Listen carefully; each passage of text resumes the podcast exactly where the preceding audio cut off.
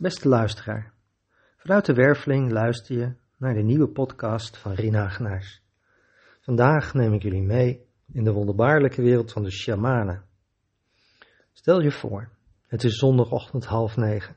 Utrecht is leeg, oude gracht. Ik loop de trap af om de Werveling klaar te zetten voor een nieuwe viervergroep vandaag en stuit daar op een hele groep mensen van uiteenlopende pluimage. Er zit een Aziatisch ogende vrouw met een zwerfhondje in haar tas. Een half slapende of trippende Surinaamse jongen tegen de voordeur. En nog een groepje vrienden. Ze kijken me wat angstig aan. En met z'n allen hebben ze het Utrechtse ochtendgloor gevierd. En ja, rondom is een verzameling van bierglazen, blikjes en veel chaos. Maar ja, dat hoort ook een beetje bij het ondernemen in het centrum van een grote stad. Afijn, we raken wat aan de praat.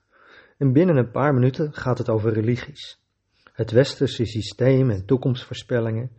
En enigszins beneveld neigt hun discussie soms wat wantrouwend naar mij. Maar ik moet verder de werveling klaarzetten, mijn deelnemers komen zo. Dus ik ga de lichten aansteken in de werveling. Na enige tijd hebben ze hun spullen opgeruimd en hun trippende, vliegende vriend hebben ze wat verderop op de kaarden neergelegd om verder te kunnen slapen. En nieuwsgierig vragen er twee van hen of ze heel even binnen mogen kijken.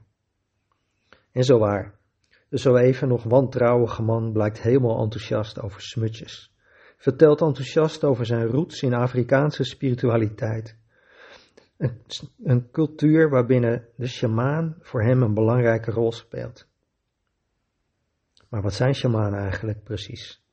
Het is een breed begrip en je komt het op veel plaatsen op aarde tegen. Als je het mij zou vragen, zou ik zeggen de realm van de shamanen gaat over zielen, wiens kracht draait om het kunnen werken met de frequenties van de natuur. Een beetje ingewikkeld, maar ik ga het je uitleggen. Mensen die vele levens hebben doorgebracht op het snijvlak van mens, bewustzijn en moeder aarde. De kern van deze kracht bevindt zich in de derde modus van het menselijk bewustzijn, met het mildchakra als toegangspoort. Hier gaat het over het kunnen laten doorstromen van onze innerlijke binnenwereld naar de zichtbare buitenwereld. Bij die doorstroming van onze innerlijke wereld naar de uiterlijke wereld spelen herinneringen uit dit leven vaak een belangrijke rol. Het zijn immers de gebeurtenissen uit dit leven die ervoor zorgen dat we langzamerhand of in één keer de binnenwereld anders doen voorkomen dan de buitenwereld. Het is een gebied waar de doorstroming van onze binnenwereld naar de buitenwereld in deze tijd vaak wordt geblokkeerd door emoties. Stel je voor, er gebeurt iets. Je komt aanlopen en ziet een groep vreemde gasten voor je deur van de winkel. Ze hebben er een zootje van gemaakt. Je wordt boos. Maar in plaats van je boosheid te uiten om de chaos die deze mensen maken, hou je een vriendelijk praatje met ze over het mooie weer. Met andere woorden, hoe je je van binnen voelt, kan niet doorstromen naar je gedrag in de buitenwereld.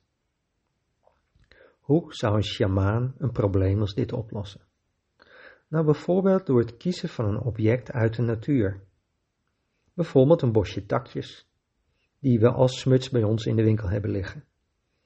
De sjamaan voegt daar met zijn energie de frequentie van heling aan toe, om het vervolgens aan je te geven met de suggestie om deze smuts te branden. Het branden van de smuts brengt de helende energie van de sjamaan en de frequentie van de belemmering bij elkaar en bevordert op die manier de doorstroming. Waardoor wanneer ik de volgende keer bij het afdalen van de trap tegen die jongeren die er een zootje van maken zou zeggen dat ik boos ben omdat ze zo'n troep maken en verdoofd tegen mijn voordeur zitten. Dit is een voorbeeld van hoe een sjamaan zijn kracht kan gebruiken bij het helen van mensen. Waarbij specifiek voor hun Wilhelm het erom gaat het vermogen om elementen uit de natuur daarbij in te zetten.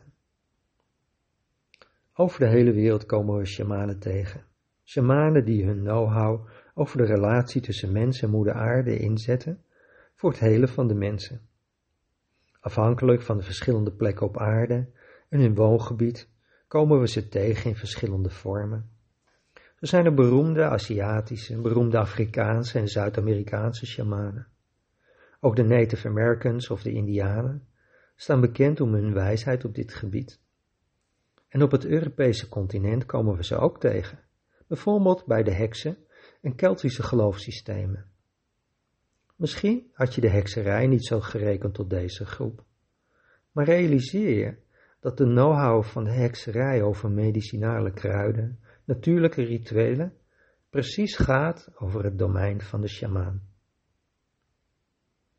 Omdat de kern van deze kracht voortkomt uit het meelchakra, het vermogen om binnen en buiten vrij te kunnen laten doorstromen, kun je je voorstellen dat maatschappelijk gezien deze groep best lastig kan zijn. Ze zijn nogal krachtig in het uitspreken van hun innerlijke waarheid. Is het dan niet fascinerend dat bij alle ophef over de bestorming van het Amerikaanse kapitool een jaar geleden, denk aan de tijd van de presidentsverkiezingen, de shamanen als groep werden aangewezen? Het brengt ons bij de rol van shamanen in deze tijd. Ik denk dat die rol veel groter is dan veel mensen zich realiseren. Juist waar de onbewuste mens wordt uitgenodigd om de doorgang naar het hart te vinden, bieden zij vaak een belangrijke steun bij het opheffen van belemmeringen. Het maakt ze tot een soort van bruggenbouwers, die vanaf de aardse kant bouwen aan deze doorgang.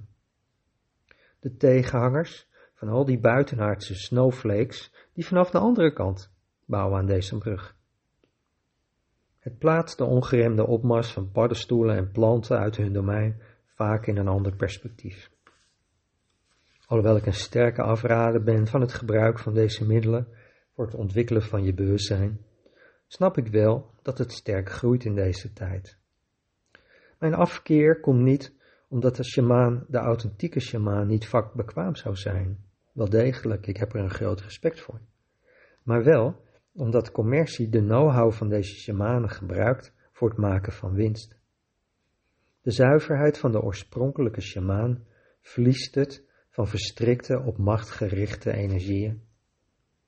Het resultaat ervan zijn de verslaafde jongeren die hun trip voor de voordeur van de werveling leven en slapend op de kade wakker worden. Ook zij worden daar niet gelukkig van. Het, het vervuilt hun energie brengt ze gemakkelijk in probleemsituaties, terwijl hun echte potentieel veel verder reikt dan dat.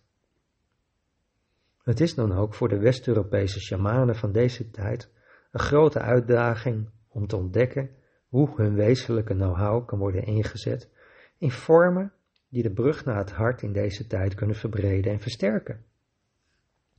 Wat voor mij de belangrijkste reden was om de groep jongeren die deze zondagochtend voor mijn deur hingen met respect tegemoet te treden. Want het ontwikkelen van bewustzijn schiet, geschiet niet alleen achter de voordeur van de werveling, we bouwen samen de brug. En zo werd deze ontmoeting een verbinding van het hart. We waren gewoon vriendelijk tegen elkaar en gingen daarna ieder weer ons eigen pad. Heb je vragen over shamanen of naar aanleiding van deze podcast? Dan ben ook jij welkom in de werveling of bezoek eens onze site www.hetmagischhart. Ik dank je voor je aandacht en graag tot de volgende keer.